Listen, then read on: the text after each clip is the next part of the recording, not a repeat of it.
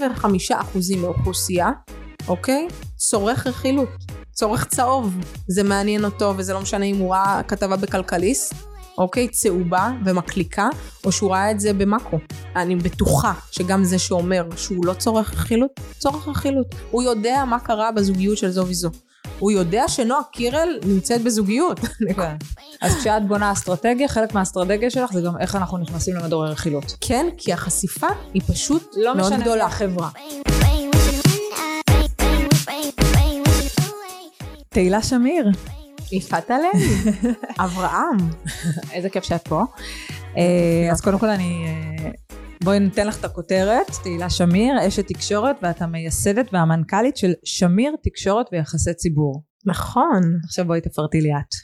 אז אני אומר? מתעסקת בעיקר בעולמות הלייפסטייל, האופנה, הביוטי והטיפוח. הקמתי את המשרד לפני כמעט שש שנים, אני לא מאמינה שאני אומרת את בת זה. כמה את? 28. יואו, בגיל 22? בגיל 22 קמתי בבוקר, הייתי עובדת בחברת הייטק. סיפור שאני מספרת אותו הרבה בה- בהרצאות שלי במכללות. והחלטתי שאני קמה ופותחת משרד יח"צ. איך זה התחיל? תמיד ידעתי שאני עובדת בתחום התקשורת, אף פעם לא ידעתי שזה יהיה מהצד השני.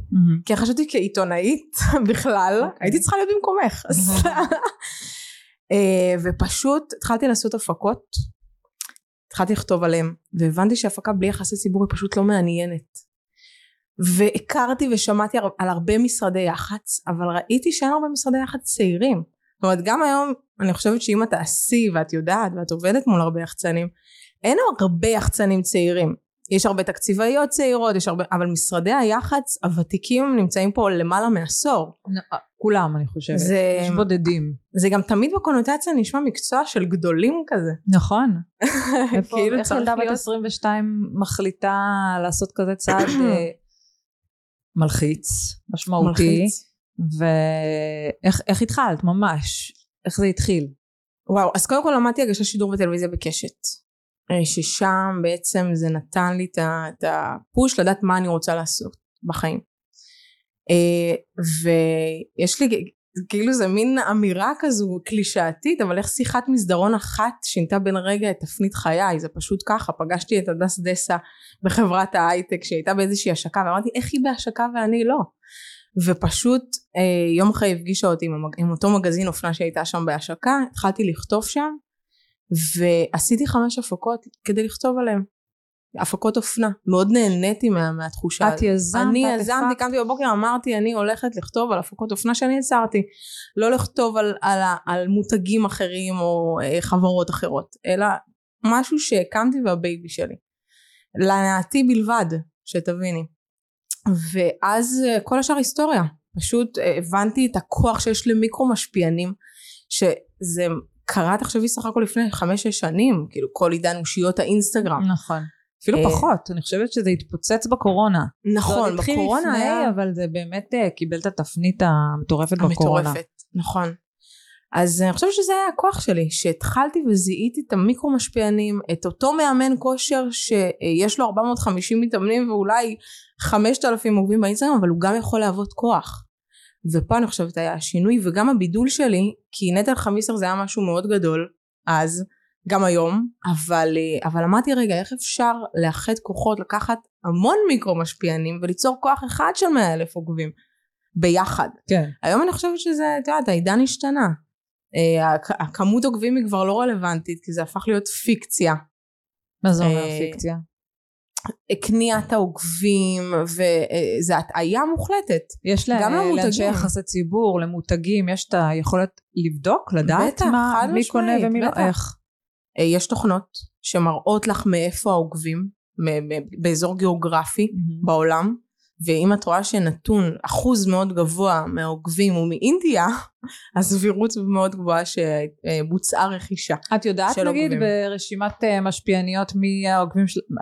העוקבים של מי אמיתי, לא בשמות, אבל, לא, לא בשמות, אבל, אבל כן, את יכולה להגיד בטח. כאילו מי אמיתי ומי לא, ולפי זה את בוחרת לעבוד או לא לעבוד? כן, אבל אל תשכחי שביחסי ציבור את עובדת הרבה על תדמית.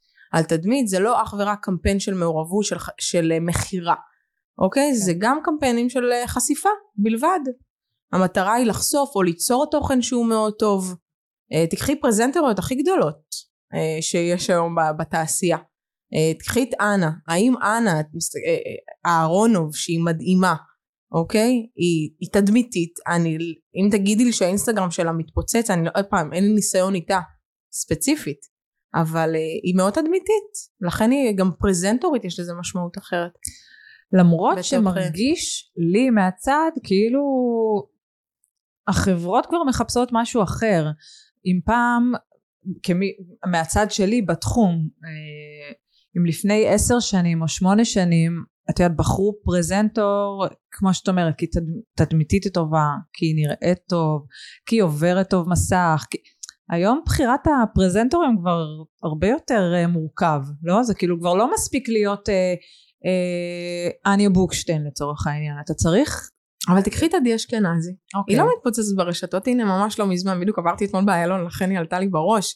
והיא הפכה להיות פרזנטורית של בזק, ביחד עם גידי גוב. ואת אומרת, אוקיי, האינסטגרם שלה לא מתפוצץ, אבל תודעתית, אנחנו מסתכלים פה על הטמעה שנעשתה במשך שנים, כולם מכירים אותה. היא מעוררת איזשהו, בנו איזשהו רגש, ואת מתייחסת לפרזנטורית פיור בבחירה, אני יכולה להעריך את הבחירה הזאת. אבל אוקיי, את מדברת על עדי אשכנזי שהיא באמת כבר אה, המון המון שנים, שנים, וכמו שאת אומרת, עבדה מאוד קשה, הרוויחה את זה ביושר. אני מדברת על, ה, על הצעירים יותר, על הדור, על הדור החדש. האם יש כמו עדי אשכנזי בדור החדש, או שאין מקום לזה בכלל בדור החדש? לא מחפשים את זה בדור החדש. אתה לא מחפש לגדל מישהו, אתה מחפש את כל החבילה. יש לזה יתרון מאוד מאוד גדול. כשיש פרזנטורית שהיא חמה גם ברשת, אוקיי? שמניעה למכר, אוקיי? אם היא שוברת את האתר, אז מן הסתם שהיא עושה עבודה טובה, ואנחנו, אני משתדלת עם המותגים שאיתם אני עובדת, לבחור פרזנטים שהיא פה כדי להישאר, לא רק כדי לח, לחצי שנה, אוקיי? אלא תהיה פה איתנו לפחות בשנה שנתיים הקרובות, כי כשאת שומרת גם יש איזשהו אמון ולויאליות עם פרזנטורית, עם טאלנטית, זה גם נראה מאוד טוב. גם בפני הקהל, זאת אומרת אוקיי את, הם, הם עושים עבודה טובה יש פה גם איזושהי הזדהות את לוקחת אותם את חושבת על המותג הזה את חושבת עליה וההפך. כן. אה, ו, ולגמרי יש חשיבה היום כמה על, את על מעורבת כמה את מעורבת בבחירת הפרזנטור למותגים שאת עושה ביחסי ציבור זה סופר הכרחי כי זה חלק מתדמית וזה חלק ממוניטין יש לזה יח"צ זה לא אך ורק ההודעה לעיתונות שיצאה האייטם. יחסי ציבור זה עולם מאוד רחב. יש את היחסי ציבור מסורתיים שזה רדיו, עיתונות כתובה, טלוויזיה ומדיה והיום mm-hmm. יש את העידן החדש שאגב אני מדברת עליו המון במכללות אמ, שזה כל נושא המשפיענים, המדיה והמשפיענים, יש לך את החיבורים האסטרטגיים שאנחנו עושים, חיבור לחסות, שיתופי פעולה שיכולים להניב לשני הצדדים פירות, אה, זה פשוט עולם שלם, השקות של מוצר, היום? פיזיות. מה יותר חשוב היום? כשאת שואלת מה, מה יותר חשוב מבין כל הדברים האלה? יחסי הציבור המסורתיים או יחסי הציבור המודרניים נקרא לזה? אני לא חושבת שזה במקום. את יודעת, פונים אליי לא מעט מותגים שאומרים לי, אני רוצה אך ורק משפיענים. אז אני כמובן מסבירה שזה לא, שתפעל נכון אה, בגזרת המשפיענים אבל לא תפעל נכון תדמיתית וביחסי ציבור. הרי צריך לתקוף את זה מכל הכיוונים. אתה לא אך ורק עושה אה, מביא משפיענים אבל בלי פרסום בפייסבוק אינסטגרם כי זה חלק בלתי נפרד מהיותך מותג. אבל ברדיו בטלוויזיה בעיתונות הכתובה? הכרחי. חשוב להיות שם. היום מוניטין דיגיטלי. היום אה, בגוגל לראות את החיפוש על המותג יש לזה כוח, יש לזה משמעות. גם כשהוא מקבל את זה מצד אחד מאותה משפיענית, ולאחר מכן הוא נכנס למאקו, פשע פורוורד, או כל אה, ערוץ תקשורת כזה או אחר, והוא פוגש את המותג, גם בצורה עקיפה, זה, זה נראה, זה עוד הטמעה. אנחנו מחדירים את המותג לשוק. המון פעמים לא צריך בהכרח את הקרדיט אה, למותג. כמה פעמים עשינו שיתופי פעולה בלי קרדיט וזה בסדר? אה, כי מספיק לי שרואים את הלוגו של המותג ומספיק לי שיש פפרצי אה, על הדרך בשדרה ורואים את הלוגו הזה זה עושה את העבודה. כן?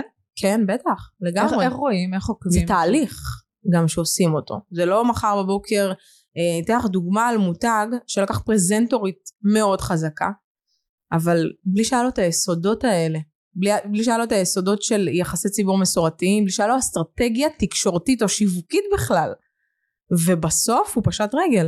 עכשיו אוקיי מגניב שהבאת את הפרזנטורית הכי נחשקת או מותג שהביא נבחרת של אה, טאלנטיות נחשקות מהממות וזה לא עבד לו. והיום הוא אמנם שנתיים היה ב-i בכל ערוצי התקשורת קנה שטחי פרסום פיזר את כספו. אבל האם זה מספיק? לא. כי צריך להטמיע מותג ויש תהליך נכון שעושים אותו. זאת אומרת שאם אני אם נגיד באה אליך עכשיו אה, חברה חדשה אם אני מבינה אותך נכון יש להם איזשהו תקציב אה, של יחסי ציבור ופרסום את מחלקת את זה בהכל. את לא תעבדי עם חברה שתגיד לך אני רוצה רק לעשות משפיענים. נכון. כי את לא מאמינה בזה. יכול להיות לו משרד יחסי ציבור ואנחנו נעשה שיתוף פעולה עם משרד היח"צ שלו אוקיי? אבל רק משפיענים אני, אני מעלה את ה... את יודעת את ה... אה, את העובדה המאוד קלאסית יש, יש, לזה, יש לזה סיבה לכל דבר. אוקיי יכול להיות אני אעבוד עם מותג שיגיד לי עכשיו יש לי פרויקטים נקודתיים כמו פסטיבלים שאומרים לי אנחנו רוצים רק משפיענים. וזה בסדר. או מותג שאומר לי אבל אני מעלה את הערך את הvalue קודם כל ביסודות שלי אני, אני מאמינה מאוד ביחסי ציבור מסורת אחרת לא, לא הייתי עושה את זה ואני חושבת שזה חלק בלתי נפרד. זה היה פה זה פה וזה ימשיך להיות. נכון שעיתונות היום היא לא אותו דבר אבל יש לזה, יש לזה עוד מקום. אבל העבודה בעיני. היא אחרת? היחסי ציבור האלו לעומת היחסי ציבור האלה, העבודה זה במסורתי לבין המשפיענים וזה. מי שיודע לעשות מסורתי בהכרח יודע לא. גם, כי אנחנו מדברים על זה שיש משרדי יחסי ציבור ותיקים וכאלו. הם בהכרח יודעים גם לעשות את המשפיענים, זה אותו, אותה סוג של עבודה, את הרשתות החברתיות, את כל לא, ה... לא, חד משמעית לא. אני, ומה זה שונה? משרדי יחסי ציבור גדולים, לא בהכרח. תראי, אני שמה את זה כיתרון שלי, אני לא צריכה לזה, לנסות להיות בנעליים של קהל היעד. אני קהל היעד. אני מדברת, אני בשפ, מדברת עם המשפיענים והמשפיענות בשפה שלהם. אני, אה, זה, לא, זה לא משהו שהוא חריג לי, זה לא משהו שאני מדברת מדור אה, קודם. אני הקהל, ולכן יותר קל לי להיות איתם בשפה המשותפת שלנו. משרדי יחסי ציבור גדולים הרבה פעמים נעזרים במשרדי אה, פרסום כי זה תחום שהוא מאוד חופף אחד לשני באיזשהו סיוע אבל כן ייאמר לזכותם שיש להם את הניסיון ואת, הקש... ואת הביסוס קשרים עם הטאלנטים המאוד גדולים ה-A-ליסט להביא אותם לאירועים נחשקים אפשר לומר. אני זוכרת ש... אם משהו השתנה, אני כעיתונאית, מה שהשתנה לי מול יחסי הציבור, אני זוכרת שפעם, את יודעת, מספיק אה, היה להביא אה, אה, בר רפאלי בהלבשה תחתונה, וזה אייטם בכל, בכל התקשורת, זה מחזיק בפני עצמו, אין צורך בשום דבר יותר. ואני חושבת שמה שהשתנה בשנים האחרונות זה שסף הריגוש של הקהל, של הקוראים, של העוקבים, מאוד עלה, זאת אומרת, בחורה מפורסמת בהלבשה תחתונה זה כבר לא מספיק, אתה חייב סיפור, אתה חייב אקסטרה, ואני זוכרת שהיה לי דיון עם הרבה אנשי יחסי ציבור שהיו אה, מבקשים ממני לפרסם אה, קמפיין חדש לזאת וזאת וזאת והייתי אומרת להם תקשיבו אין מקום כבר לאייטמים כאלה. תחשבו אחרת תחשבו מחוץ לקופסה. אז כן אני מרגישה שבשנים האחרונות יש אה, הרבה משרדים בואי נגיד את זה ככה דברים שמי שמאזין או צופה לא בטוח יודע. היום כשאת ניגשת לעשות יחסי ציבור לחברה את בוחרת את הפרזנטור או את מי שיוביל את הפרויקט גם לפי מה ש... מי שחם כרגע זה כבר לא מספיק לך שזה שאת אומרת כמו שנגיד אנה אהרונוב שם קוד. את צריכה שגם יקרה משהו סביב אנה אהרונוב שהיא תהיה עכשיו בהיריון שהיא אה, תכיר את הבן זוג שלה לפני חתונה לפני אה, לידה כאילו צריך גם סיפור זה לא כבר מספיק תקני אותי אם אני טועה. את צודקת לגמרי את צודקת חייב סיפור אבל בונים אותו גם את הנרטיב הזה. יש יש אה, לכן יש אסטרטגיה לכן לא קמים בבוקר ואומרים רגע אותה אני רוצה רק כי היא מגניבה לי לא כי היא מגניבה עכשיו אלא כי היא נכונה לך. מה שמתאים למותג אחד לא בהכרח מתאים למותג אחר. ואם אתה מותג לואו קוסט אתה לא, אתה לא צריך מישהי שהיא אה, אה, משדרת את היוקרה והפנסיות הזו. אתה צריך מישהי שמתאימה למותג שלך שהיא נגישה שזה אה, לא הופך אותה למישהי אה, אה, פחות טובה אלא כי היא יותר מותאמת בדמות שלה באפיון שלה למותג שלך. ולכן היא תעשה את העבודה הטובה ומבחינת הסיפור שאת מדברת עליו לגמרי צריך להיות איזשהו אה, להסתכל לטווח הרחוק אה, אני מאוד בעד זה אה, היח"צ המסורתי נשען אמרתי לך את זה כבר נשען על, על, על המדיה הזו כי כשרואים את אותה טאלנטית ו- ורוצים לצרוך ממנה עוד את יודעת איך אני יודעת מה הכי נכון למותג? מה? איך? אני חיה את השטח ויש לי קבוצות מיקוד, ואני מדברת עם הקהל יעד, ואני שואלת אותו, מי אתה חושב שהכי נכון? וגם אם זה אה, מותג שהוא אה, בהכרח פונה לצעירים וצעירות, אז אני אשאל את, אה, את ה... ואני כבר לא, לא בגילאים אז אני אשאל את אותה אחיינית שלי, את החברה של, ואבין מה יכול להיות נכון. לדוגמה.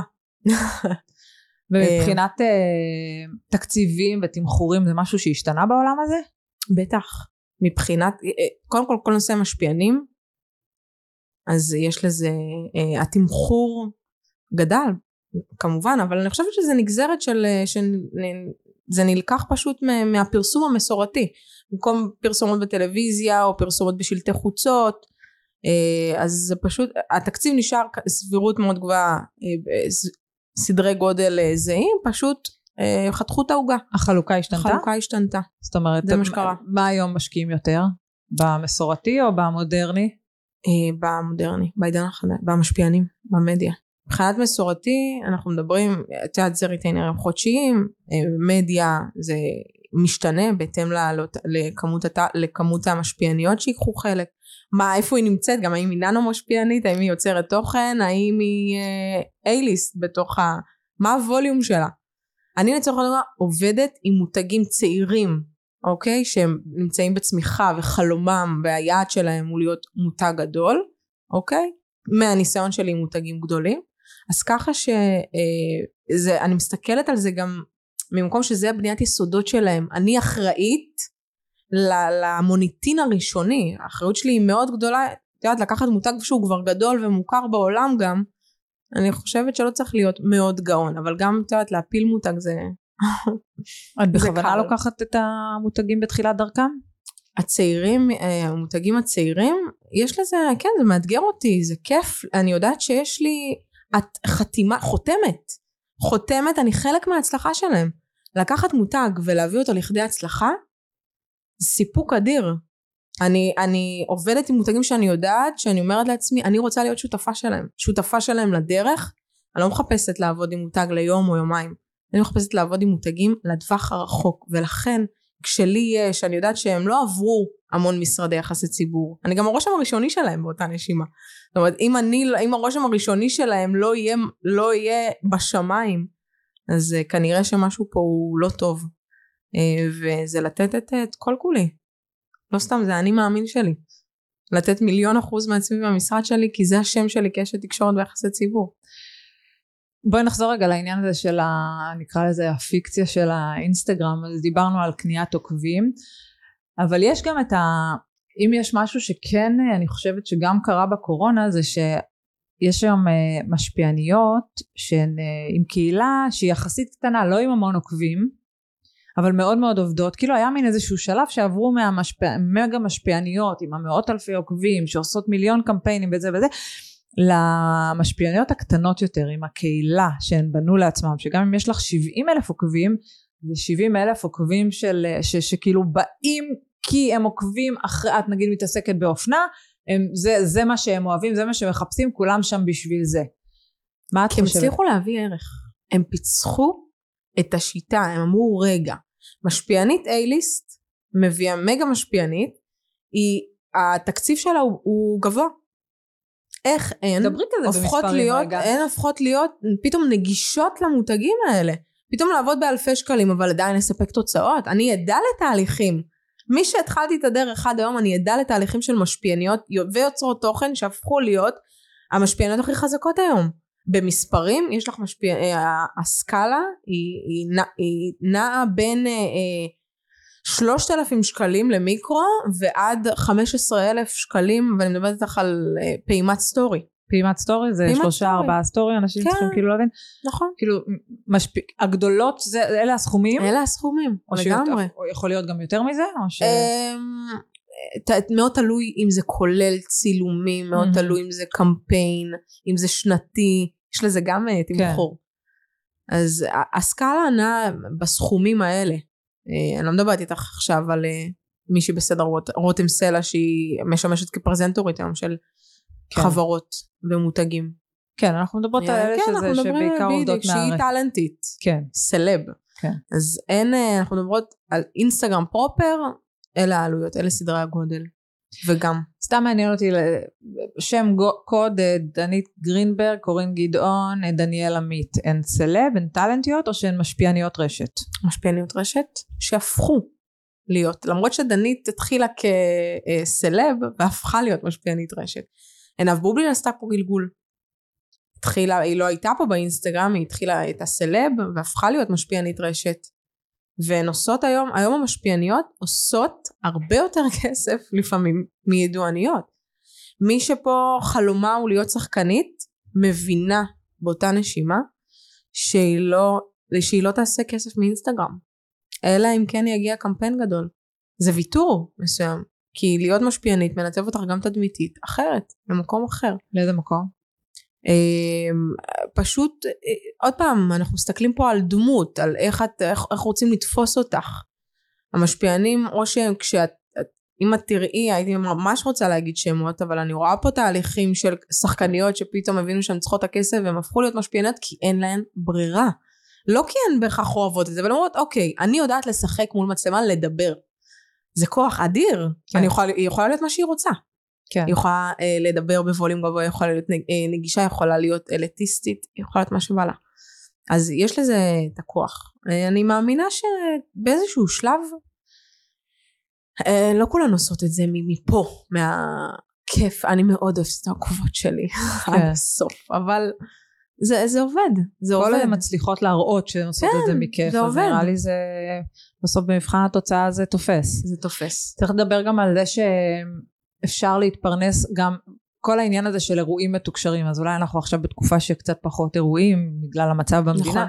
אבל אה, לפני כן זה היה על בסיס יומיומי אירועים כל חברה ש... אה, אה, השקות? מחשיבה את עצמה עושה איזה שהם השקות מזמינה להשקות האלה מפורסמים בשביל הסיקור צריך להגיד אם פעם בעבר לפני כמה שנים המפורסמים היו באים בשביל לקבל בושם סלאש ערכת איפור סלאש גיפט קארט של 400 שקל לחנות היום זה כבר uh, תקציבי זה חלק מתקציב הפרסום הם מקבלות כסף להגיע. עשרות אלפי שקלים. עשרות אלפי שקלים. כדי ולפעמים אגב יש מותגים שהם שמים תקציבים מטורפים ולא בהכרח זה יביא את התקשורת. כי צריך לדעת מה הפיצוח של אותו אה, טאלנטית שאתה מביא. לא הרב גידו סיפר לי אה, אה, האמת אה, אחד מה, מישהו מהתעשייה קולגה שהוא מדהים איך הוא הצליח להביא את אה, אה, עומר אדם בלי להביא את עומר אדם. איך הוא הצליח איך הוא שידברו על עומר אדם בלי להביא אותו. איך? אה, הוא פשוט הביא את כל האקסיות שלו ביחד וזה, וזה מהמם. אני חושבת שזה מסוג ה...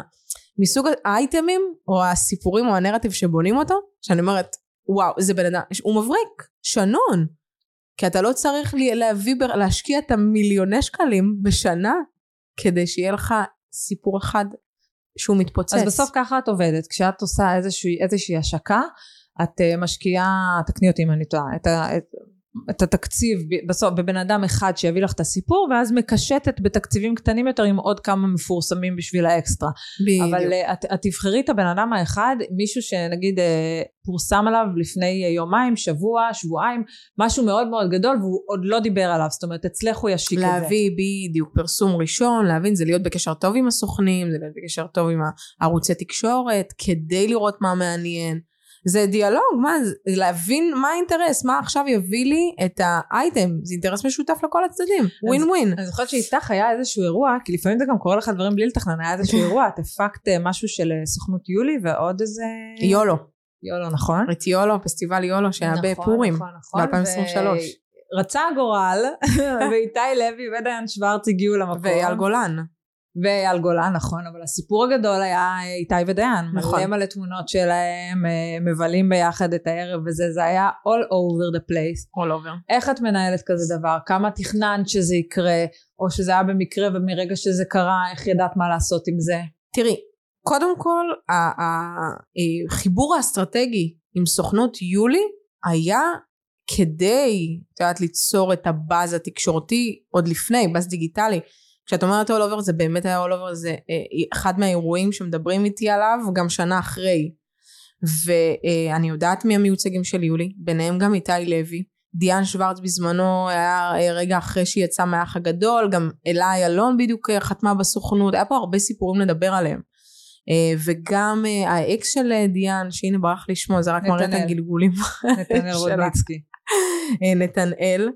והוא גם בסוף לא הגיע, שזה גם היה אייטם. ברור, בנינו לפני להבין עם מה יש לנו לעבוד. ספציפית אייל גולן הפתיע באותו הערב, שזה גם כן היה אייטם. מעולה, שאיתי לוי ישב בצד אחד ואייל גולן ישב כן. בצד שני. נועה קירל הופיע, זה הפך להיות uh, חלק מה, וזה היה שנייה לפני האירוויזיון. כן. הופעה ראשונה שלה גם uh, שהיא לא מתחת לגיל 18 הייתה. Mm. שזה בכלל. אז זה היה אירוע שהוא מדהים. לא יכולתי, לא יכולתי לבקש אחרת. אז, אז זהו, השאלה היא כמה מזה מתוכנן, באירועים, כמה מתוכנן וכמה זה פתאום... אה, כאילו כמה את מגיעה לאירוע כשאת יודעת יש לי עם מה לעבוד. אה, זה אירוע שכשאת יודעת שיש לך ידוענים אה, מובטחים שמגיעים זה מטעמים כאילו את רק צריכה לשבת לחכות ולא לא לעשות הרבה ברמה כזאת. כמה קשה לך כאילו להשתמש בסיפורים האישיים או במה שקורה מאחורי הקלעים בשביל לקדם את המותג? אה, תראה, אני חושבת שאותם טאלנטים או סוכנים, הם מבינים מה, מה החבילה שהם מקבלים. זה לא שבואי לא, לא נתייפייף, הם לא נמצאים שם בשביל להיות אה, אה, נאורים וטהורים, ולפעמים מספרים לי ידוענים אה, דברים במה שנקרא כביכול off the record, אבל אנחנו לא מספיק קרובים כדי שתספרו לי off the record במקרים מסוימים, כדי שאני אוציא את זה לפעמים החוצה. אבל מן הסתם שאם יש דרישה ובקשה תהילה תקשיבי לי זה חשוב אני חושבת שזה אמון בבני אדם זה לא קשור אפילו למקצוע אבל uh, יש אינטרס משותף, כשאותו ידוען, טאלנט, uh, uh, מבצע משהו בפומבי, הוא יודע, הוא חכם מאוד, הוא שקול, את יודעת כמה פעמים הם עושים את זה בשביל, את יודעת. כן. אז אה, לא, בסדר. לא, כשאת יודעת, זה מאוד מאוד, צריך להבין את זה, כשמישהי אה, אה, אה, מתפרסם שהיא מתגרשת מבעלה, או שיש משבר זוגי לה ולבעלה, ויומיים אחרי היא מגיעה לאירוע, ואז אומרים, אה, התקשורת, כולם דחפו למיקרופונים לפנים, ושאלו אותה על זה, ושאלו אותה על זה, ושאלו אותה על זה, ואיזה חטטנים, ואיזה צהובים, ואיזה זה, ואיזה... בסוף צריך להבין. היא ידעה, היא קיבלה על זה הרבה כסף, והיא ידעה שהיא באה לדבר על זה. נכון. לצורך העניין אם לא היה מתפרסם את הדבר הזה סביר שהיא לא הייתה מוזמנת או שהיא הייתה מוזמנת כתפאורה הזאת הקטנים האלה שאת uh, מדברת עליהם יש מפורסמים שאת יכול, שעדיין באים לאירוע בשביל המתנות והכאלה או שאין כאלה שבאים בלי כסף? Uh, לא יש כאלה שמגיעים בשביל עוד איזשהו אייטם סיקור להביע איזשהו עניין עדיין להיות חלק mm. את יודעת תקשיבי אני חמש שש שנים בתוך התעשייה הזאת 24/7 אה, וכמות הטאלנטים, כמות הידוענים, סלפס שעברה פה היא מטורפת, יש כאלה שאני לא זוכרת את שמם, אני, כאילו אני לא רוצה לדעת מה את, את פה יותר ממני קצת, באיזה שנה שנתיים, אז עברת פה המון המון אנשים, כאלה, יש גם כאלה שאני, ש... אמ, שלא לא, לא, לא, לא עולים לי בראש כאילו מה הם עושים היום בכלל. את יודעת נגיד ל... להגיד לי, פיצחת איזשהו סוד מי פה להישאר ומי פחות? זה קשה מאוד, זה קשה כי פתאום יכול להיות איזשהו פרסום שלילי שירים אותם לתוך שיח מסוים ואז הם יכולים להיות מעניינים. כאלה שחשבתי שהם לא מעניינים אבל פתאום הופכים להיות. כאילו הקערה מתהפכת פה כל הזמן. אם היה סוד אם זה, אם זה היה כזה קל אני חושבת את יודעת שהייתי פותחת איזושהי חברה ענק שמחתימה אותם ו... בואי נדבר רגע אפרופו על, על סוד ואייטמים שפתאום צצים וכאלה. יש כזה דבר פרסום רע? Uh, אני חושבת שכן. כן אני חושבת שיש דבר כזה פרסום רע. אני חושבת שיש הרבה ידוענים uh, שהיו מוותרים על הפרסום רע שלהם שהם קיבלו כתוצאה. לא, לא כי הם רצו וביקשו את זה. יש לך את uh, דיאן שוורט שעברה פה שמות ויש לך את אייל גולן. לכאורה בסוף זה עננה. יובל המבולבל שהיה פה אה, רוי בוי המון. אני חושבת שהיחיד שיכול להגיד איזה כיף לי הפרסום הרע היה סיימון לבייב לכאורה. כן. כאילו שהוא שאמר אוקיי אני לוקח את זה ועושה מזה לימונדה. אני לא חושבת שיש מישהו שמודה ומוקיר על פרסום רע. אבל, כן, לא, אבל אה, השאלה אם פרסום רע בהכרח אה, מקד... יכול להכניס לך כסף, יכול, יכול ל... לקד... לקדם אותך, כאילו אז איך כן. הוא, אז, אז, כי זה אז מעניין, הוא לאו הנה. דווקא רע. הוא לאו דווקא רע, ואני חושבת ש, שהם היו מעדיפים לוותר, חלקם. חלקם, עוד פעם, כאילו אם יש להם קריירה ב- בזכות עצמם והם פה, אז בואי לא זה נדבר מכניס על, להם עוד בואי קצת לא נדבר כסף. על אה, נגיד אייל גולן או לא על דיין שוורץ שבאח הגדול יצאה משם, בואי נדבר על, על דברים יותר קטנים, לי יומיומיים. טרילר. כשבן אדם, בדיוק, כשבן. אדם פותח אינסטגרם ואומר איזה משהו שהוא יודע שהוא שנוי במחלוקת, שהוא יודע שזה פרובוקציה, או שזה דעתו שהוא יודע שהוא יקבל עליה הרבה אש. האם זה מקדם אותו או שזה מזיק לו? הסכסוכים האלה הפנימיים, על לצאת על מישהו אחר בתעשייה כי הוא חושב אחרת ממך, כל, כל הצהוב הזה, האם אה, זה מקדם בן אדם או פוגע בו? תלוי מה הדרגה של, של הפרסום הרע, לאיפה זה מושך אותו. הנה סבלימינל, אה, אה, זה קרה לאחרונה, השבוע. האם את חושבת שזה מקדם אותו, או ההפך?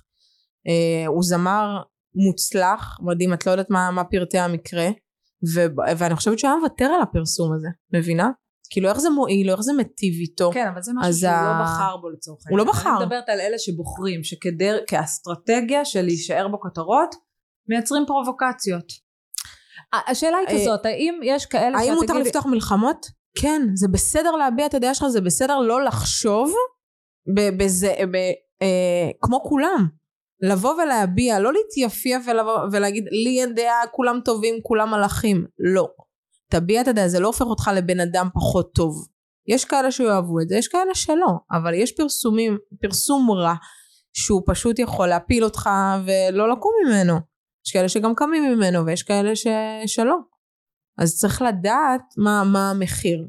אם אתה רוצה את זה בשביל עוד איזשהו אייטם, תפתחי מלחמה, תכבי את השרפה אחר כך. למרות שאני, אבל האם זה כאסטרטגיה? אני לא- מהיכרותי איתך בכל מיני אירועים בעבר, אה, גם, יש לפעמים, גם אם בן אדם נמצא בכותרות מסיבה כזו או אחרת, אה, מתגרשת, אה, הסתכסכה, נה, יש פעמים שאת אומרת, אני יודעת שלהביא אותה יעשה לי יחסי ציבור ויביא את כל התקשורת, אותה או אותו, אבל, אה, אבל זה נמוך מדי בשביל המותג שלי.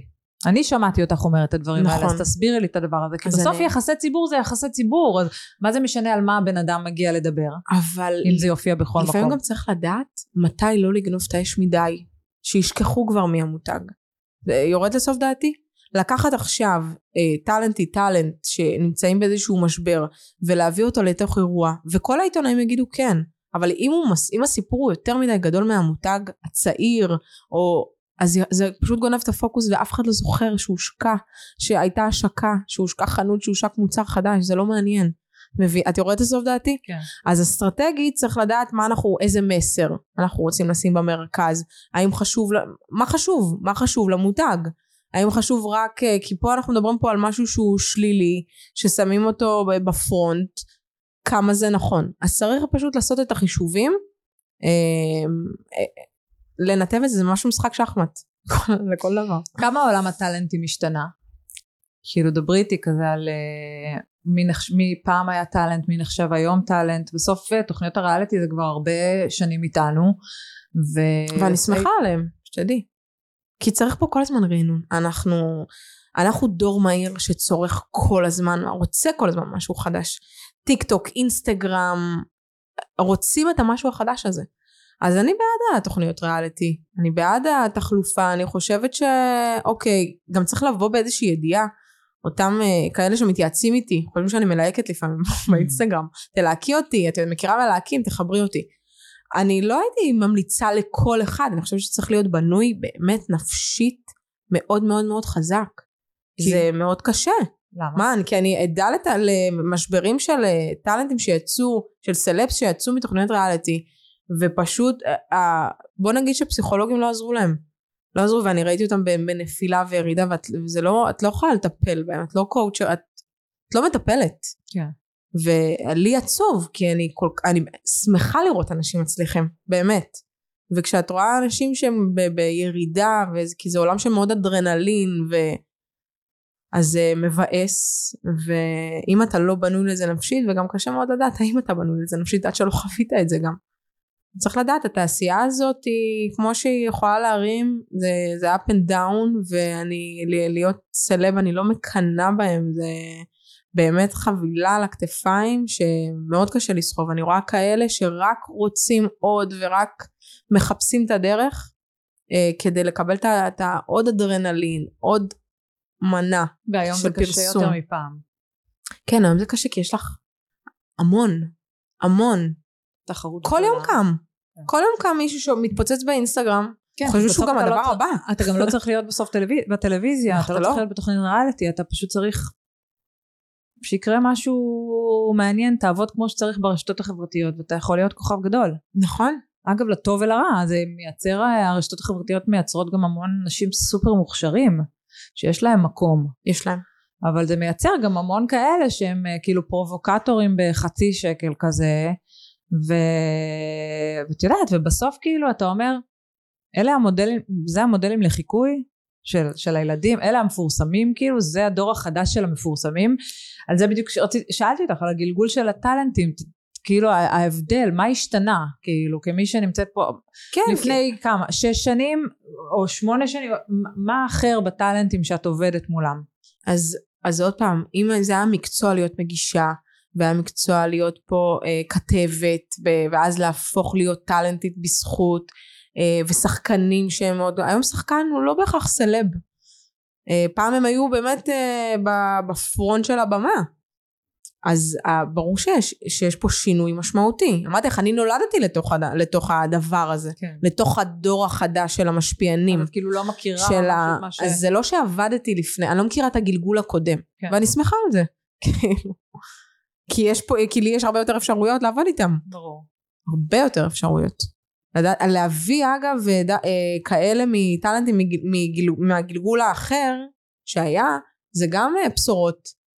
אה, לא תמיד מצליחים איתם, אבל לא תמיד מצליחים להביא, אה, אה, את יודעת, סוכנים שפתאום מביאים מישהי מהעבר וחושבים שהם יצליחו להחיות אותה. כשזה כבר לא מעניין, זה לא מעניין. מעטים, מעטים כנראה האלה שכן מצליחים לחזור כי לעניינים ב- באינסטגרם. בוא נגיד ככה, בתקשורת, ביחסי ציבור החדשים, בעידן החדש, אתה צריך כל הזמן לייצר עניין. כל הזמן. אם לא תייצר עניין, לא יספרו אותך. נכון, נכון, חד משמעית. מתי אני יודעת שזה עובד?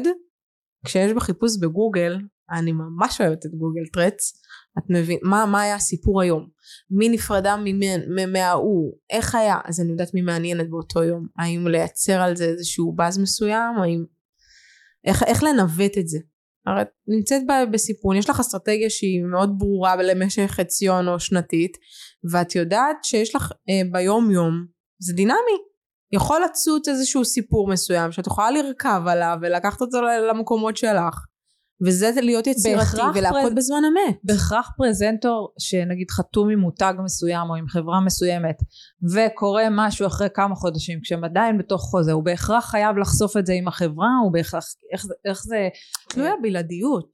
תלוי הבלעדיות שלו, תלוי אה, אה, מה נסגר בחוזה מול הסוכנים. מסכמים את הכל מראש בטח, מבחינת יחסי ציבור לא כל חוזה הוא אה, חוזה שכולל יח"צ. אם חתמתי מותג ואחרי אה, אה, חצי שנה את בהיריון יש לך חוזה שנתי עם המותג סביר להניח שזה משהו שמדברים עליו כשחותמים את החוזה אם וכאשר תהיי בהיריון ואם זה בתח- בתחום אם של- הסוכן רוצה לקדם את הסגירת את החתימה הזאת, אז הוא יגיד, תקשיבי, יש לי כמה אר- ארנבים בשרוול, Mhm. אז אוקיי, אז הוא ייתן לי את הטיזר, את הבילדאפ הזה, הוא לא חייב אה, בהכרח לחשוף בפניי את הכל אז באותו- כולם יודעים כבר. שמדברים בכותרות, פחות באנשים.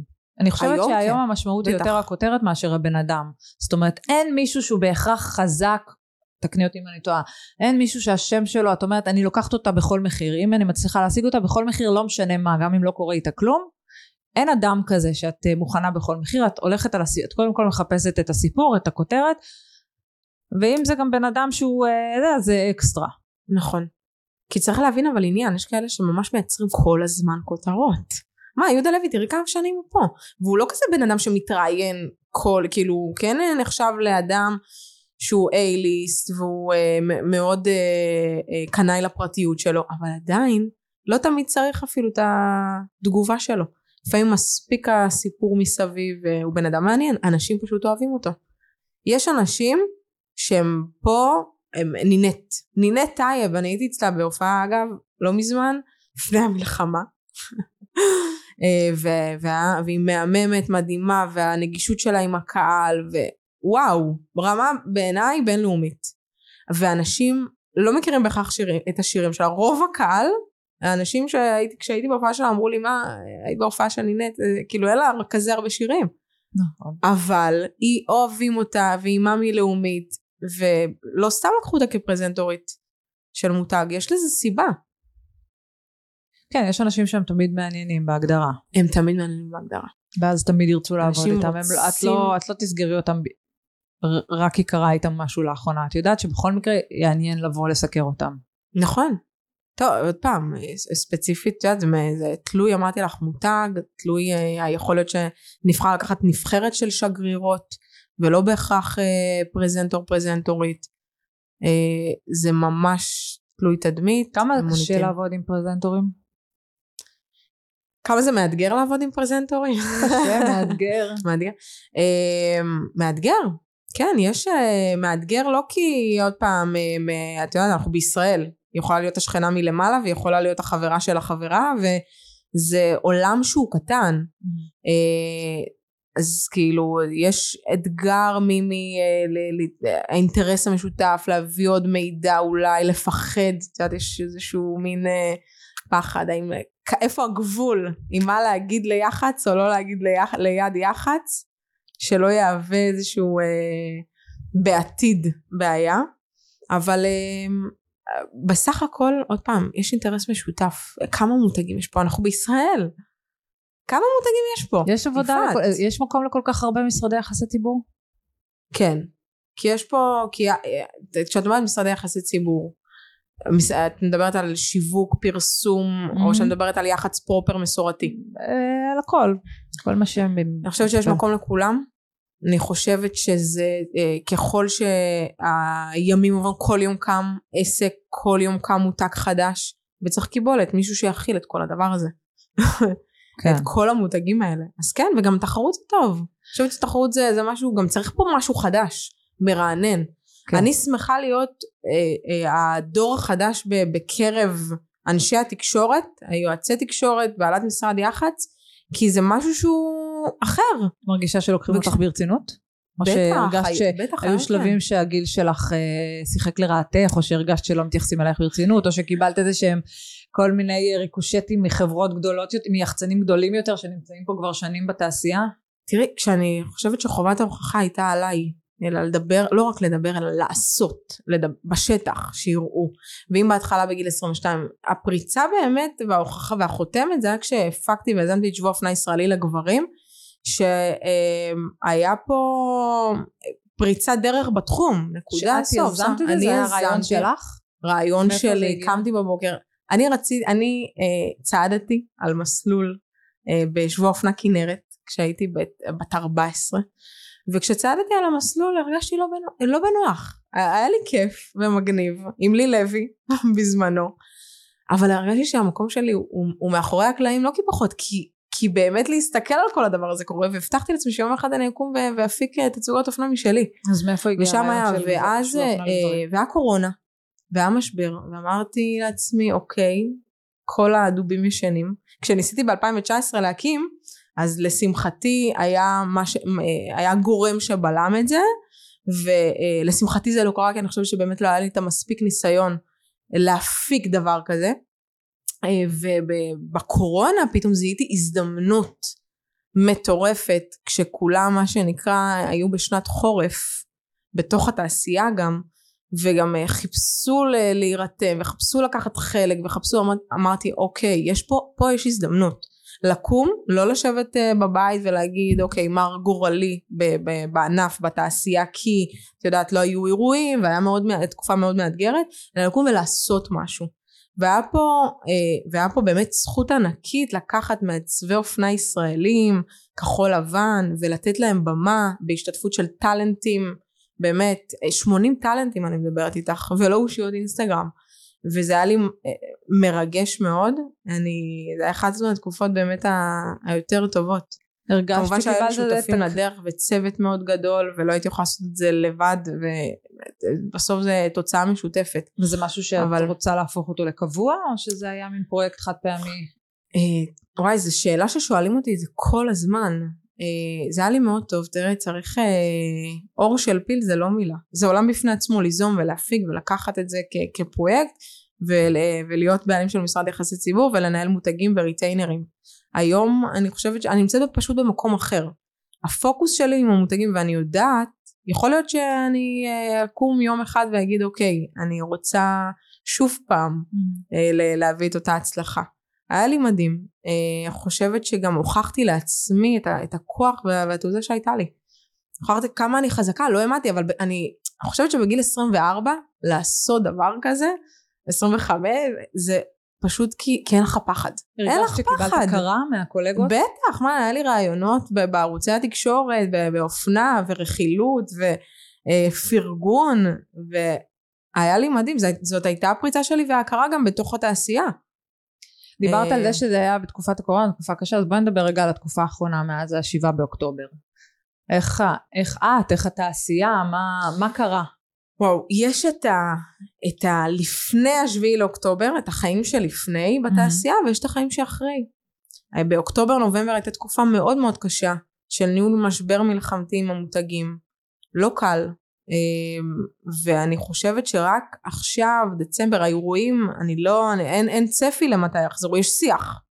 אבל אין צפי על אה, מועד אה, מדויק של אה, שהאירועים חוזרים כי זו תקופה לא פשוטה תראי אי אפשר להתעלם ממה שקורה פה אנחנו אמנם באיזושהי שגרת פייק וחיים כי בסוף החיים חזקים אבל ואנשים צריכים להתפרנס מות, כולם אוקיי אבל צריך לזכור שיש לנו חטופים שצריכים לחזור יש לנו חטופים בעזה ויש לנו מלחמה וחיילים בעזה שנלחמים אה, ו... אבל להמשיך בחיים לא אומר לשכוח אותם ולהמשיך לעבוד ולהמשיך אה, ל... לרכוש כי יש פה צרכנות ישראלית ויש פה ת... כלכלה ישראלית שצריך להמשיך אותה אה, אחרת אנחנו יש נקרוס. יש מקום להחזיר אירועי, אירועי השקה בעינייך עכשיו? במידה ועושים את זה צריך בהדרגתיות אני לא חושבת שעכשיו זה ממש תקופה כאילו מה היית מייעצת את למותגים שלה? למותגים שלי אני אומרת שכרגע זה לא נכון ובואו נדבר לקראת מרץ נבין את הלך הרוח איך מה, מה, מה בעצם אה, גם הקהל את יודעת זה מין אה, לבוא ולהכריז על אירוע זה אה, יכול גם ליצור עד שלילי של מה הקשר לאירועים עכשיו אז בעצם אבל אירועים אינטימיים יכול להיות שזה יתחיל באירועים אינטימיים בהדרגתיות מסוימת זה יקרה. אז בעצם מה, את קם בבוקר מאז אה, אותה שבת ומה מה את עושה, כאילו איך, במה עובדים, מה עושים? לא, אז זהו, אז השגרה, אז השגרה חזרה. בדצמבר, העבודה ש... הרגילה שלנו חזרה, העבודה עם המשפיענים, עם היח"צ המסורתי, המדורים חזרו.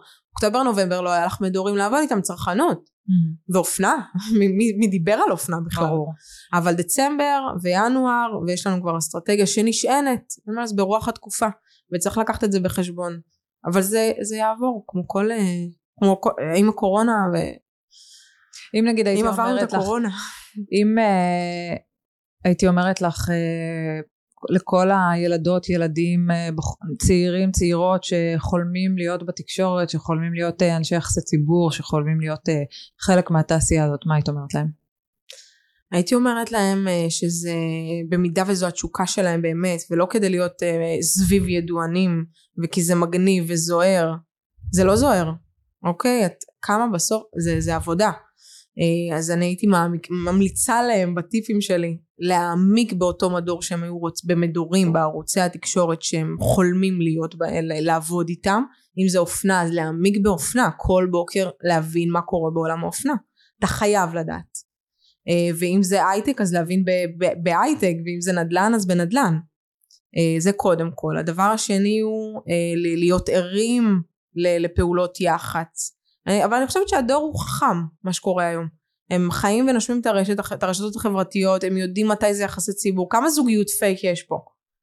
זוגיות פייק בתוך התעשייה ואז הם מגיבים בתוך הפוסטים של ערוצי התקשורת כי הם מבינים שזה לא אמיתי. מה את חושבת כן באמת אמיתי. על uh, זוגיות שממציאים אותה כי זה קורה אנחנו לא נתייפייף זה קורה יש מערכות יחסים שבאמת מייצרים את החיבור בשביל הפרסום בשביל הכותרת בשביל אירוע בשביל כסף מה את חושבת על זה?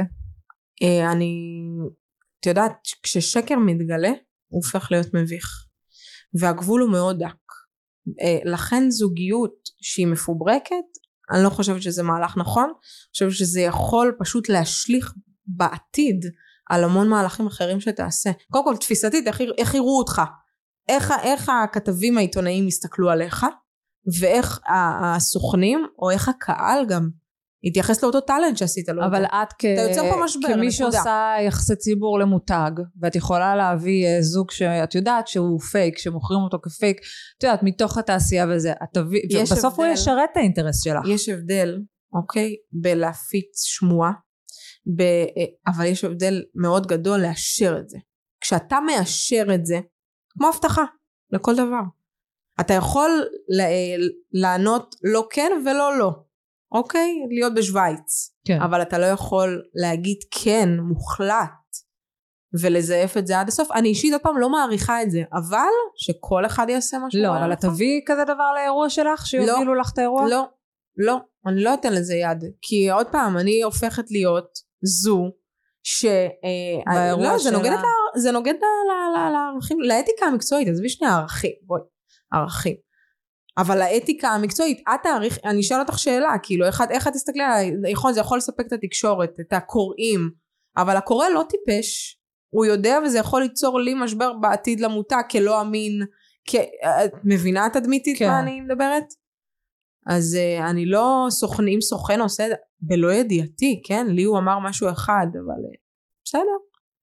אבל לא אני קמתי בבוקר ואמרתי לעצמי בוא נעשה את הזוגיות פייק הזה. ברור. אבל אני יורדת לסוף דעתי. כן. אבל רגע אני רוצה לחזור איתך שניונת לאותם צעירים שחולמים כן. לעסוק ביחסי ציבור. אני אומרת את זה הרבה פעמים בהרצאות שלי במכללות. שבסוף זה שאני קמתי בבוקר בגיל 22 ופתחתי משרד יחסי ציבור ובחרתי להיות עצמאית זה לא רק לעסוק ביח"צ זה בחרתי לקום בבוקר ולהיות עצמאית זה לא אומר שלכל אחד זה מתאים כן הייתי ממליצה לעשות קורסים לפני תואר אה, במידה ורואים לנכון ואומרים לעצמם אוקיי זה, בזה אני רוצה להתמקצע אז אולי כן ללכת למקום של תואר.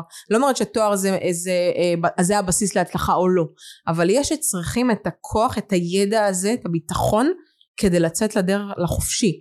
לא לכל אחד מתאים להיות עצמאי. זה אינדיבידואלי וזה גם לא נכון זה גם לא נכון. זה באמת משהו שהוא צריך אתה צריך לשאול את עצמך האם להיות עצמאי זה נכון או האם אני רוצה לעבוד כשכיר איך כל כך צעירה, איך הגעת גם, כאילו, את יודעת, צעירה גם בגיל, צעירה גם בוותק, יחסית, כאילו, יחסית, הכל יחסית, הכל יחסית. אה, איך הגעת להרצות בתחומך במכללות? וואו, אז אני אה, שמונה חודשים אחרי שכבר פתחתי את המשרד, היה לי מענק צבאי, ו, אה, ואני מאוד בן אדם שאוהב ללמוד. אמרתי, רגע, מה אני עושה עם, ה, עם הכסף הזה שנשאר שם בפיקדון? החלטתי ללמוד ואמרתי אוקיי מה אני אלמד אם לא יח"צ כאילו אני רוצה להבין היה לי רעיונות עבודה עם מועמדים עם עובדים והם אמרו לי שהם למדו עשו קורסים ועשו תארים ביח"צ ותקשורת. ואמרתי אני אהיה זו שלעולם לא אדע מה הם למדו בכיתה הזו. והחלטתי שלא יהיה לי את הספק הזה למרות שחייתי את השטח כאילו אה, בזמנו עם אנדר ארמור ועובדת עם פרזנטורים ומותגים ואת אומרת ובמקביל את הולכת אחרי השעות עבודה והולכת ללמוד יחסי ציבור זה משהו שלא רציתי שידעו הרגיש לי אה, ועיתונאים באים להרצות שם mm. ובמקביל אני עובדת איתם. אבל הרגשתי באמת שזה חיבר לי את כל חלקי הפאזל וזה נתן לי את, ה, את הביטחון ואת הגושפנקה לכמה אני צברתי בשטח. והתיאוריה לא פחות חשובה. לכן כשאני אה, אחר כך אה, חזרתי להרצות כמרצה לשם כמרצה אורחת ומאוד נהניתי מלהעביר את, ה, את הידע שלי. איך חזרת? פשוט פנו אלייך? שזה, כן. ולאחר מכן ראו את זה, מכלל המינהל ראו את זה, לאחר מכן מכללת כנרת, המרצים שם עוקבים אחריי, ופשוט פנייה פשוטה בפי, בפייסבוק. אה, וככה וכל השאר היסטוריה האמת היא שאני מרגישה באמת סיפוק אדיר אני לא חושבת בקורונה כשאמרו לי תעשי קורסים ותעשי סדנאות לא ראיתי נכון כי אמרתי מי שמח? כאילו אני יום יומיים בתוך התעשייה אני, אני אבוא וארצה ואתן מהידע שלי כאילו יש לי עוד יש לי עוד מה לעבור. והיום אני אומרת עדיין יש לי עוד מה לעבור כל יום יש לנו מה לעבור אנחנו לא יודעים הכל אנחנו אף פעם לא נדע הכל אנחנו תמיד צריכים לצרוך עוד והעולם הזה משתנה והוא דינמי ואם אתה חושב שאתה יודע הכל אז אתה לא יודע כלום וזה לא קלישה זה אה, כל הזמן לצרוך ולהבין מה חדש ו, אה, ואתה עדיין יכול ללמד מהידע שלך. אז בעצם תני לי כזה בקצרה, בכותרות, על מה את מדברת בהרצאות האלו? על עידן היח"צ החדש, קודם כל על איך התחלתי. על עידן היח"צ החדש. על... שהוא, אה, בקצר, בשני משפטים? על אה, כל נושא המשפיענים. המדיה והמשפיענים שנכנס לתמונה הזו. Mm-hmm. את הכוח של מוביל לדעת קהל. Mm-hmm. על מהלכים, על מה זה יחסי ציבור בכלל. אה, על, אה, על לא, כמה לא אתה מקבל בתוך ה... בדרך. כאילו אנשים חושבים אוקיי כל אייטם שאתה אה, מביא לשולחן עולה זה לא ממש לא ככה אה, אז אה, רוב הזמן אתה מקבל לו ואתה הופך את הלא הזה לכן ואתה מלכתחילה גם יודע איזה אייטם לשלוח עם הזמן כדי שלא תקבל לא כדי שבאמת יהיה אה, באמת יהיה לו תשובה חיובית mm-hmm. אז אתה גם מתייעץ עם העיתונאים ואתה יודע את הדרך איך את זוכרת את הלקוח החדש שלך? החדש, הראשון, הראשון? סליחה, בלי כן. שמות, לא חייב לא. שמות, אלא את הסיפור, לא, איך זה קרה? אה, אה, הלקוח הראשון שלי היה אה, אה, מאמן כושר אישי, אה, מעצב אופנה. זה היה הלקוח הראשון שלי, ממש בהתחלה, אבל זה היה פרויקטים נקודתיים, mm-hmm. עדיין לא התחלתי ב... רק אחר כך. אבל איך זה כאילו... קרה? פשוט ניגעת כן, אליו והצלחות באינסטגרם, פשוט, כשהתחלתי לכתוב במגזין האופנה, אז uh, התחילו לראות שאני עושה הפקות. ופנו אליי, היי שלום ראיתי שאת עושה שיווק, כאילו זה עדיין לא היה לזה שם, לא ידעתי שאני עושה יחסי ציבור עדיין. אה, וביקשו ממני הצעת מחיר, הייתי עובדת אז בזמנו בחברת הייטק שתביני, וכשהוא פנה אליי, ואז אמרתי רגע איך אני עושה? זה היה שף, עכשיו אני זוכרת גם את ההודעה. אה, ביניהם, כאילו גם שף, גם מאמן, גם מעצב אופנה, ואמרתי אוקיי, סבבה, איך בונים הצעת מחיר, מה, מה אני נותנת לו בשירות הזה, כמה אני מתמחרת את זה. אה, והתחלתי לחקור את זה ולהבין ולטעות ו, אה, זה, וזה היה מדהים. היה לי הכי כיף. באמת. אני חושבת שהניסוי והתהייה וגם המקום הזה לבוא ל... ממש כל התהליך שעובר הלקוח מקצה. היום אני מייעצת לעסקים קטנים, אני לא עובדת איתם בשוטף, אני כן נותנת את הייעוץ השיווקי האסטרטגי, אה, כי אחד את יודעת משאבים לא, לעסק קטן אין את המשאבים להשקיע ודבר שני אני עובדת אה, עם אה, מותגים שמבינים את הערך שיש להם באמת את המשאבים להשקיע לטווח הרחוק אבל עסקים קטנים לגמרי צריכים פשוט עוד פעם יש משרדים שנותנים את השירות הזה אני מעדיפה לתת אותו נקודתי אסטרטגי. נגענו בזה הרבה uh, בשיחה אבל כאילו מעניין אותי כזה בתשובה קצרה איך את uh, מתארת את עולם הזוהר מהעיניים של היח"צ, של היחסי ציבור? אני מתארת אותו כעולם אה, אה, כאילו מטעה, כעולם מטעה, כי הוא, הוא הכל בתכלס חוץ מזוהר.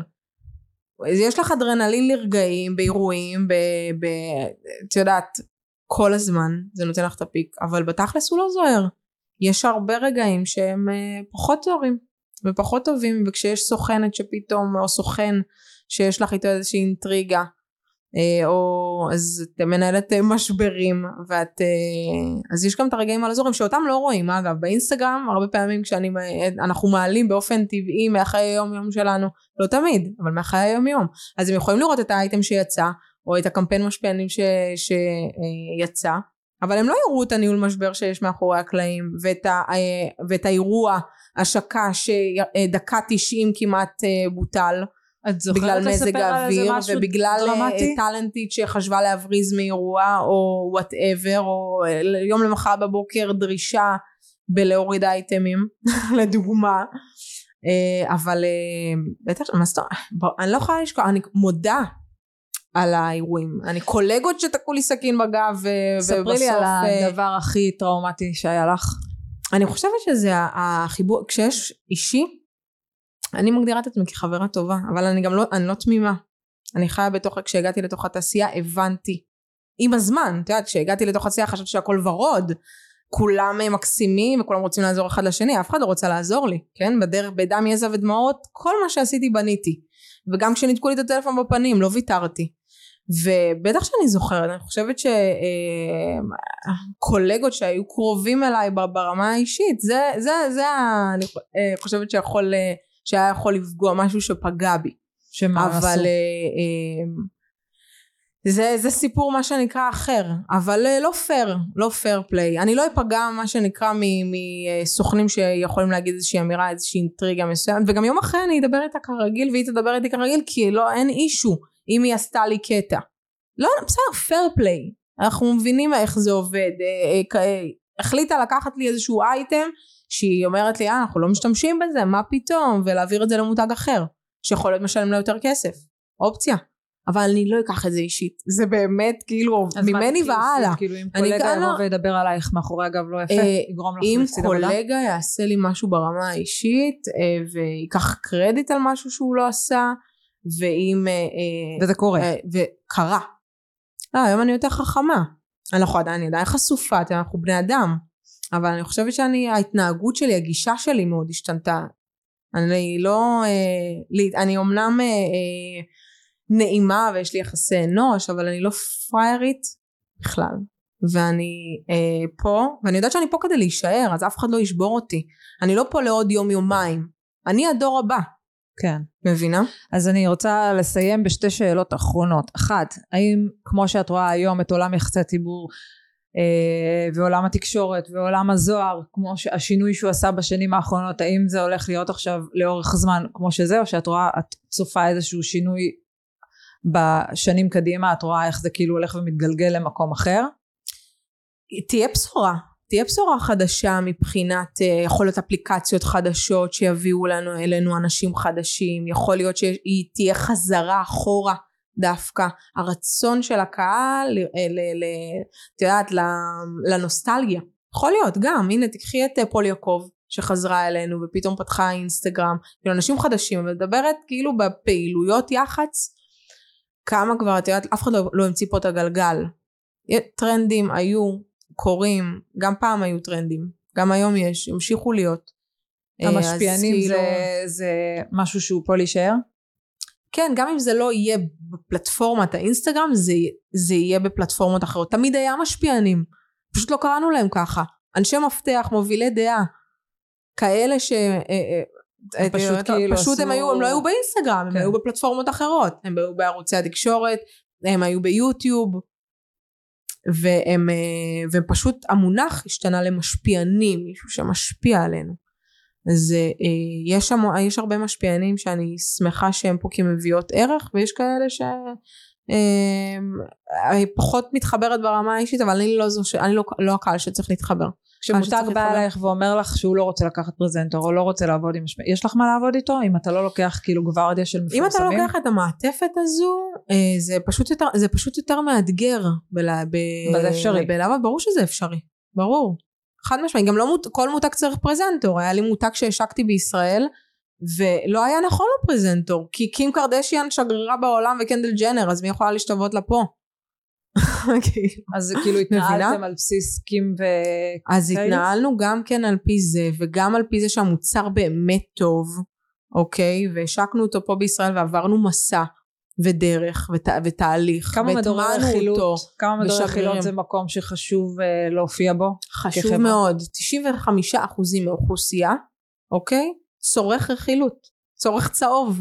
זה מעניין אותו וזה לא משנה אם הוא ראה כתבה בכלכליסט אוקיי צהובה ומקליקה או שהוא ראה את זה במאקו כי זה פשוט אנחנו כל אני, אני בטוחה שגם זה שאומר שהוא לא צורך רכילות צורך רכילות הוא יודע מה קרה בזוגיות של זו וזו הוא יודע שנועה קירל נמצאת בזוגיות. כן. אז כשאת בונה אסטרטגיה, חלק מהאסטרטגיה שלך זה גם איך אנחנו נכנסים למדורי רכילות. כן, כי החשיפה היא פשוט לא מאוד גדולה. לא משנה החברה. כן. כן, כן, היום כן. שאלה אחרונה. יא. Yeah. מה את מאחלת לעצמך? בתחום, באישי? אני מאחלת לעצמי. עוד שנה, עוד חמש שנים. אני מאחלת לעצמי להמשיך לצמוח. להמשיך להאמין בדרך שלי. לא לסטות ממנה. להמשיך בערכים שלי. אה, לגדול כמובן גם עם המותגים שאיתם אני עובדת עם מותגים נוספים אה, אני אה, בקרוב חושבת על אה, לפתוח את ההרצאה שלי לקהל הרחב. לא פעם שואלים אותי פשוט באינסטגרם והחלטתי לקחת את זה צעד אחד קדימה. אני אבוא. יא yeah, איזה כיף לי. אז פרטים נוספים אה, בהמשך. צריך להמשיך לעקוב. פשוט לעקוב אחריי. ולהיות בריאים הכי חשוב. שיהיה פה שקט. לגמרי. אמן. ומה החתונה וזה?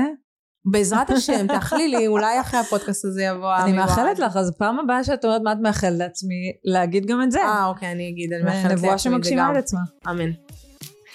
תודה רבה תהילה. היה סופר מעניין לשמוע על המאחורי הקלעים, מה שכאילו אנשים בבית אולי אה, לא יודעים כי הם רואים רק את מה שבסוף מתווכים להם שיראו. נכון. ויהיה איזה לך כיף. בהצלחה. תודה. תגיעי לגדולות, אני בטוחה. בהצלחה, נגיד גם לך, יפעת.